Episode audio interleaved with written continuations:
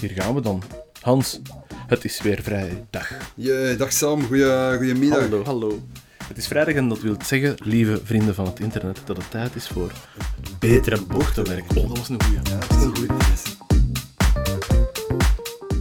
Deel 12, Eye on the target, Eye on the Eye prize. Eye on the prize. Wat betekent dat? Vandaag gaan we het hebben over focus, Sam. Ford Focus? M- Misschien. Sorry, misschien Flauwe, flauwe mop, flauwe flauw. mop. Focus, Sam. Ja. Eh, nee, we gaan het hebben over ehm, u als bedrijf focussen op ehm, doelgroepen. Ehm, en heel specifiek is er een bepaald soort eh, producten waar dat, dat heel moeilijk bij is. Ehm, ik kom zelf ook uit zo'n sector. Eh, wij verkochten onder andere eh, complexe installaties om bedrijven te beschermen tegen stroomonderbrekingen. Ja. Maar niet gewoon dieselgeneratoren, maar heel zware UPS-systemen. En daar zijn een aantal sectoren waar dat je heel duidelijk ziet, oké, hier moeten we zijn, bijvoorbeeld een datacenter. Hè. Maar wat je daar ook hebt is één projectje in die sector, per uitzondering. Twee projectjes in die sector. Ah ja, een overheidsgebouw. Ah ja, en dat. Maar als je dan verder begint, pak nu die overheidsgebouwen, begint te onderzoeken, dan zie je ineens dat dat eigenlijk het enige gebouw was waar dat, dat van toepassing was. Ja. En je hebt bedrijven die, die het daar... Eigenlijk vandaag gaat het misschien iets meer over marketing dan over sales. Maar je hebt bedrijven die, daar, ehm, die het daar heel moeilijk mee hebben. Als je dat fenomeen heel vaak hebt, dat je eigenlijk je klanten, dat je daar geen echte rode, rode lijn in kunt vinden, hè, of een rode draad in kunt vinden, Ja. dan wordt het heel moeilijk om gericht te gaan klanten benaderen. Je bedoelt, als er, als er geen structurele niche is, of, of tenminste geen vertical waar dat je in kunt, Ja, in kunt werken, Juist, bijvoorbeeld. ehm, het kan bijvoorbeeld heel makkelijk zijn als je zegt de, de grote petrochemie hè, Ja. of de raffinaderijen, dat is ons product, want wij verkopen software daarvoor. Ja. Dat is perfect. Je, je hebt op 10 minuten en je hebt een wereldwijde lijst van raffinaderijen. Juist. Maar je hebt, je, hebt, je, hebt, je hebt merken of je hebt, je hebt bedrijven die een product hebben dat zich eigenlijk verspreidt over heel veel sectoren, maar in geen enkele sector kun je daar de, de vinger op leggen waar, wat maakt dan nu precies dat die dan nu wel nodig hebben. Nochtans is dat de oefening dat elke goede marketeer moet doen. Want die wil die, die dat, ik noem dat de, de, de sleutel vinden. Hè? De sleutel, wat maakt dat het bedrijf ons nodig heeft. Hè? Ja. En dat kan bijvoorbeeld zijn, ehm, die zijn aan het water gelegen, ik zeg maar iets. En dan moet eigenlijk je segmentatie helemaal niet op industrietak zijn of op sector, maar dan gaat het daarover. Hè? Mhm. Bijvoorbeeld als je een bepaald koelsysteem hebt dat alleen in de buurt van stromend water werkt, ik zeg maar Mhm. iets. Hè? Ehm, maar het gevaar is dus dat bedrijven dat dan toch gaan proberen te doen. En dus de boodschap is, hoe ga je daar nu mee om als je dat voor hebt? Mhm. Dat je eigenlijk geen duidelijke lijn kunt vinden in je product, omdat ze er in je klantengroep, omdat ze er gewoon niet is. Hè. Het gevaar is dat je er dan toch achteraan begint te gaan en eigenlijk een heel lage hitrate krijgt. Want elk bedrijf dat je prospecteert, 90% daarvan, ah ja, ja, oké, dat is wel interessant, maar dat is niks voor ons. Wij kunnen daar niks mee doen, want... Hè. Ja, dan je salesploeg moet wel opleveren. En op die manier zijn die mensen het grootste deel van hun tijd bezig bij klanten waar dat ze niks kunnen doen. Ja. En die raken ook gedemotiveerd daardoor. Om bezig met prospectielijsten aan te maken, eigenlijk. Ja, maar in sommige, soms is het heel makkelijk om een prospectielijst aan te maken. Hè. Je, je hebt trendstop en noem maar op. Mhm. Maar soms, zoals het voorbeeld dat ik net aangaf, is dat, is dat eigenlijk niet te doen. En dan is het heel belangrijk dat je van strategie verandert als bedrijf. En dat je niet blijft proberen die achter, achter, achterna te zitten, maar dat je meer naar een soort poolmodel gaat, waarin dat je heel zwaar inzet op communicatie, ehm, websites, dat soort zaken, zodat die bedrijven, omdat die zo verspreid zitten, moet je de, de strategie omkeren. Zorg dat zij je kunnen vinden. Want jij, ze zijn- zitten zo verspreid in die wolk van duizenden bedrijven dat jij hen niet kunt vinden. Mhm. Zorg dat zij u vinden. Mhm. En als er een van die bedrijven u gevonden heeft, dan kun je beginnen nadenken, tja, zou er andere bedrijven in exact diezelfde mini-niche, zouden die misschien ook die problematiek hebben. Maar dan moet je diep genoeg gaan op, op niche-niveau. Ja. En ik, ik heb al een paar keer in een aantal van mijn coaching-sessies het voorbeeld van de broodsnijmachines gebruikt. Hè. Dat is een klant van mij die eh, werkt met elektromotoren. Hè? En dus dat is eigenlijk een, een, een toestel dat perfect bruikbaar is, een elektromotor in duizenden, Duizenden applicaties, Voilà. toch tenminste. Maar ze hebben een specifiek soort motor dat eigenlijk op heel wat plaatsen terugkomt, maar vooral vaak niet. Hè? Vooral, vooral vaak niet van toepassing is. En op een gegeven moment komt er, komen ze in contact met een producent van broodsnijmachines. En wat blijkt, dus dat is echt een mini-niche. Eh, maar in die niche is er, zijn er bepaalde problemen die overal terugkomen bij al die spelers. En daar kun je dan wel je salesmensen op gaan afsturen. ja, ja, ja. hè. Want dit is nu echt iets specifieks voor jou, voor jouw tak eigenlijk, hè, waar jij in specialiseert. Hè. In het high-tech gegeven, in, tech- in technical sales, dat soort zaken. Hè. Wel, dat, dat komt er inderdaad in voor. En als je dan nu breder zou maken, naar, naar een breder B2B publiek zou trekken, hoe zouden dat dan precies zien? Hoe zouden die een tip dan samenvatten? Wel, de, de, de tip, denk ik, op zich, wat ik net gezegd heb, verandert niet echt voor, ook voor iets minder technische Mhm. mensen. Het gaat over het B2B-verhaal. Eh, een tip is, als je er echt geen, geen, geen lijn in kunt vinden, zorg dan dat de klanten u vinden. Mhm. Ga ze niet zoeken, want het zijn spelden in een hooiberg. Zorg dat zij u vinden. En als je dan een klant hebt, kijk naar de mini-niche Mhm. waar, dat, waar dat in spelers exact hetzelfde doen als die klant en kijk of dat je daar misschien ook iets, iets te bieden hebt. Gezwind ve- verder dan eh, Hans in dit twaalfde deel van het betere bochtenwerk. Gaan we over de held praten. Ik vond die van vorige week vond ik al een hele sterke, een van de mooiste al, Ja. in onze, in onze run van, eh, van podcasts. Waar gaan we het over hebben vandaag? Wel, over deze, deze keer eh, ook weer toch wel een ervaren salespersoon, strategische verkoper. We moeten daar toch iets op vinden, hè, om namen of voorbeelden mee te Ja, geven. ik weet het niet. We moeten dat clearen. Ik moet daar een oplossing voor vinden. Ik heb ze nog niet. Ehm, deze man, het, het valt mij eigenlijk op dat het altijd mannen zijn. Kom aan, ladies. Eh, misschien moeten jullie toch ook iets actiever zijn in de technische verkoop. Ehm, deze man ehm, had een belangrijke meeting ehm, met de CEO eh, van een bedrijf. Eh, uiteraard waren er al een aantal meetings geweest, hè, ehm, maar dat was de ultieme waar dat hij het verschil zou kunnen maken en een deal zou kunnen closen. En wat doet hij? In zijn voorbereidende fase gaat hij met twee mensen, twee interne vertegenwoordigers, en we hebben het vorige week daar ook even over gehad, Ja. interne vertegenwoordigers, met die mensen gaat hij op restaurant om met die mensen na te denken over hoe kunnen we, dus in een informele context, tussen die twee, twee mensen bestaat natuurlijk ook een vertrouwensrelatie, anders kun je nooit zo'n zo'n situatie hebben, met als enig doel, hoe gaan we dit project intern verkopen? Dus op dat moment zijn die interne vertegenwoordigers eigenlijk bijna collega's van u die hetzelfde doel hebben. Maar dan Wij zit er toch dit- een hele hoop relatiemanagement op voorhand. Hè. ja, dat klopt. Het is, zoiets kun je alleen maar bekomen als je in een vertrouwensrelatie zit, als je mensen al verschillende keren gezien hebt. Mhm. hè. Je weet, we zeggen dat de kansen op een succesvolle verkoop exponentieel stijgen met het aantal zinvolle meetings die er zijn geweest. Hè. Dus het is typisch dat je dat soort gesprekken pas hebt als je mensen al 6, 7, 8 keer gezien hebt. Hè.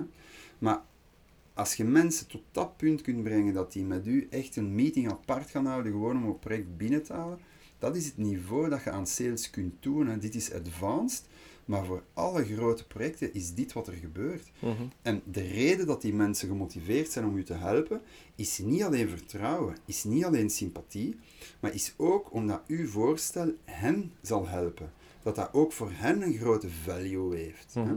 Zij moeten echt wel een, een goede motivatie hebben om die moeite te doen. En het is een illusie te denken dat ze dat enkel gaan doen omdat je een toffe jongen bent. Mhm. Hè? Ja, ja. Dus daar zit heel het verhaal van value selling, waarin dat jij in de gesprekken daarvoor probeert te vinden wat, wat is belangrijk, wat heeft waarde voor die mensen, wat zijn die hun behoeften. Ja, en hoe wordt hij er beter van ook, zonder Juist. dat dat effectief uit te spreken. dan. Ja, want dat kan inderdaad, dat is een goede opmerking. Soms is dat te gênant of te pijnlijk om zoiets te benoemen. En beide personen aan de tafel weten dat het eigenlijk vooral voor zijn persoonlijke doelstellingen is. Maar we gaan het daar niet over hebben, omdat dat een- een onprofessionele indruk kan geven en mensen willen zich zo niet voelen. Oké, en hoe is dat afgelopen dan, die lunch?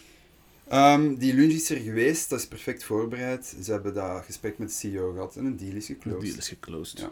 Ik vraag me dan af, de, de, zo, de- wat is de grootorde van deals waar dat jij actief in bent, of waar dat jouw mensen die jij coacht actief in De zijn? meeste mensen die bij mij in coaching zitten zijn eh, ofwel account managers ofwel salesmensen. die eh, bezig zijn met bedragen, typisch op jaarbasis, Ja. Van ergens tussen de 50.000 en de 5 miljoen euro. Ja, dus structurele investeringen eigenlijk. Ja, ja, ja. Het, Daar hangt, gaat het het hangt er ook vanaf. Ik heb ook, ik heb ook mensen die met softwarepakketten werken. Ja. En dan gaat dat over een aantal licenties, maar dat zijn natuurlijk dure licenties. Ja, oké. Zeg, na de held komt de blooper. Ja, ja iets wat, wat ik sommige verkopers al heb zien doen en wat ik echt niet kan begrijpen. Ja. Als je met een klant ergens afspreekt in een context waarin dat je de zon wat in je ogen hebt. Bijvoorbeeld, je gaat iets drinken op het terrasje of je gaat een keer lunchen 's middags. Hou alsjeblieft je zonnebril niet aan. Oh ja, oké, ik zie. eh, zonnebril op en dan ze half opgeslagen mouwen. Nee, ja, allee, we weten, we zeggen hier zo vaak bij Hamilton hoe belangrijk het is om, om, om, om vertrouwen, om een band te, te scheppen, om, om een relatie aan te gaan. Hoe kunnen nu in godsnaam denken dat dat kan lukken als je mensen hun ogen niet kunt zien? Ja, het creëert sowieso een afstand, hè. Ja. Hm. Oké, goede tip. Goeie tip. Zeg, eh, iets waar we het vorige week al een beetje over gehad hebben, zo, hè, is om bij de juiste mensen terecht te komen. Zo. Eh, ik dacht dat jij daar straks wormholes eh noemde. Ja, ja, ja. Maar ik denk dat we, we- we- het, is een, het is een concept dat we allebei kennen, maar we hebben er allebei een andere naam voor. Ja, hè. ja, ja. Want jij noemt het wormholes en ik noem het three-dimensional selling, maar ik vind wormholes beter klinken, eerlijk gezegd. Maar ik vind gewoon, eh, er wordt te weinig over astrofysica gesproken in deze podcast. Oké. Vandaar. Nou, misschien moet ik eerst even uitleggen, wat is een wormhole? Dat is, eh dat wordt wel eens gezegd dat dat een soort verbinding is tussen twee zwarte gaten, Ja. eh, waarin dat je instant van het een naar het ander eh Ruimte en tijd, hè. ja. Scheuren in ruimte en tijd. Eigenlijk waar gaat het over? Het is een soort eh, onzichtbare binnenweg, en ik trek het nu zo breed mogelijk, Mhm. tussen twee punten die schijnbaar heel ver uit elkaar liggen. Ja. Zoiets, hè. Goeie samenvatting. Dank u. En dat gaan we nu toepassen op sales. Astrofysica. Die mensen dat het, nooit, dat het ontwikkeld hebben, zullen nooit gedacht hebben dat het zo ging eindigen. Ehm, wat is een wormhole? Ik ga een voorbeeld geven van iets of iemand die schijnbaar heel ver van u afstaat. En dat is de CEO van een groot bedrijf. Coca-Cola. Bijvoorbeeld, think, think Big, de CEO van Coca-Cola. Elon Musk. Bijvoorbeeld. Ja. Die staan onnoemelijk ver van u af en iedereen maakt zich de, de vaak terecht ehm, de illusie dat ze die ooit zullen kunnen ontmoeten, die mensen. Ja. Ja. En als je in, het, in dezelfde dimensie blijft als het organigram, hè, dan gaat dat ook zo zijn. Want het aantal lagen en, en eh, gatekeepers dat, dat er tussen u en die mensen staat, of dat kan ook de CEO van BASF zijn of goed Mhm. weet welk groot bedrijf, het aantal tussenlagen is zo groot dat als je gewoon braaf het padje gaat volgen, de kans dat je ooit bij die man of die vrouw gaat geraken is bijzonder klein. Ik denk Yes. dat je beter op de lotto speelt. hè. Mhm. Maar wat dat je niet mocht vergeten, is dat er naar die schijnbaar onbereikbaar verre figuren, dat er daar wormholes naar bestaan. En die wormholes, dat zijn, ehm, laten we zeggen, andere wegen om tot bij die mensen te geraken. Bijvoorbeeld, jij kunt eh, iemand kennen misschien die daarbij in de buurt woont. Iemand die daarmee op de lagere school heeft gezeten. Iemand die mee in de Rotary Club zit. Nu, ik denk niet dat Elon Musk in de Rotary Club zit. Nee, nee, we zullen het iets lokaler moeten houden, dan tenminste. Ja. Maar het punt is, eh, bijvoorbeeld, kijk eens naar de schoolpoort van je kinderen als je kinderen hebt. Iedereen dat daar zit, of de meeste toch, die hebben een job. Sommige van die mensen zitten op redelijk hoge posities. Mhm. Of misschien nu nog niet. Mhm. Maar je zit 12 jaar op dezelfde school, dus het zou wel eens goed kunnen dat die binnen 12 jaar, ehm, of 9 jaar, eh, dat die dan op een belangrijke Mhm. positie zitten. Mhm. Dus het gaat erover dat die mensen zijn vooral aan ene kant, aan ene flank, heel goed afgeschermd. Alleen aan de voorkant. Maar die hebben een zijkant en die hebben een achterkant. En die zijn niet bewaakt. En herinner u de laatste keer, of een van de vorige keren, dat we gesproken hebben over ehm, met uw auto tegen de auto van op de een parking. Ja, ja, ja. Dat is het perfect voorbeeld waarin dat je iemand naast zijn schild eh, benadert. Ja. Daar zijn die niet op voorbereid. Daar staan geen gatekeepers. Maar dan moet je ze ook natuurlijk op die manier niet gaan benaderen direct met, met een businesspropositie. hè. Dan, is het ook, dan moet je je aanpassen, dan moet je ah, je communicatie ook aanpassen Ja, aan, aan de situatie of de sociale situatie waar je je dan Maar in daar, bevindt. daar gaat het vaak over. Hè. Als je mensen leert kennen op een schoolfeest of wat dan ook, Ja, als je direct over business begint, dan... Nee. Je zegt geen Nee, stofzuigerverkoper, nee, nee. Maar het gaat over leren we elkaar kennen en dan zeg ah, tja, en misschien kun je op het einde van het gesprek zeggen van tja, jij zei dat je daar werkte, zou je dat storen dat we een keer, dat ik eens een half uurtje langskom, gewoon om eens te horen wat dat jullie precies doen. Heel luchtig langs de neus weg. Ja. Meer mag dat ook niet zijn, Nee. dat klopt. Nee, dus eerst krediet opbouwen via een andere weg en dan krediet weer uitgeven. En daar komt het een Ja, beetje op neer. krediet, vertrouwen. Ja. Noem het vertrouwen. Geweldige tip. En de, en de sales held dan? De sales held die hebben we al gehad, hè. Nu gaan we het hebben over de tip van de week, Sam. Oh, sorry. Oh ja, oké, dankjewel. Weet je wat de tip van de week is? Nee. Ik kan het ook niet ik, lezen, heb, dus. ik heb een aantal weken geleden heb ik gesproken over ehm, Just Ask. Just ask. Ja, Just inderdaad. We hebben eigenlijk... Stel die vraag gewoon. Ja. Wil je tekenen? Doe het nu. Wilt jij tekenen? Mag ik eens... Ik zou graag eens met u gaan, gaan dineren, meneer de CEO. Ja. Eh, mag ik u uitnodigen? Ehm, ik, ik ben volgende week bij jullie. Mag Mhm. ik ook even bij u 10 minuten binnenspringen? Al die vragen. En we hebben toen gezegd, het enige wat je moet doen is dat op een vriendelijke manier vragen. Ja. En nu is de vraag, wat is een vriendelijke manier? En er is een goed trucje ehm, hoe dat je dat kunt afwegen. De manier dat je zoiets vraagt is op dezelfde manier ehm, dat als je aan de kassa staat in de, in de Carrefour, Ja, dat je, jij voorstelde madame met een hele Ja. volle kar en jij hebt enkel een fles melk, juist. Dat Zou die... ik even voor mogen? Sorry, mevrouw, zou, zou ik heel even voor mogen? Ik zie dat je nogal veel hebt. Zou ik even voor mogen? Op die manier, die een toon dat je dan gebruikt, dat is de perfecte. Mhm. Want daar zit, Beetje onderdanigheid. daar zit wel, daar noem het onderdaan, daar zit beleefdheid in, daar zit respect in. Hè? Maar daar zit ook wel iets in, eigenlijk is het ook wel logisch dat ik dat mag. Mhm. Zie je? En dat is een beetje dat, die, die- wat we willen van meneer de CEO. Zou het u storen dat, dat ik even binnenspring, 10 minuten als ik daartoe ben?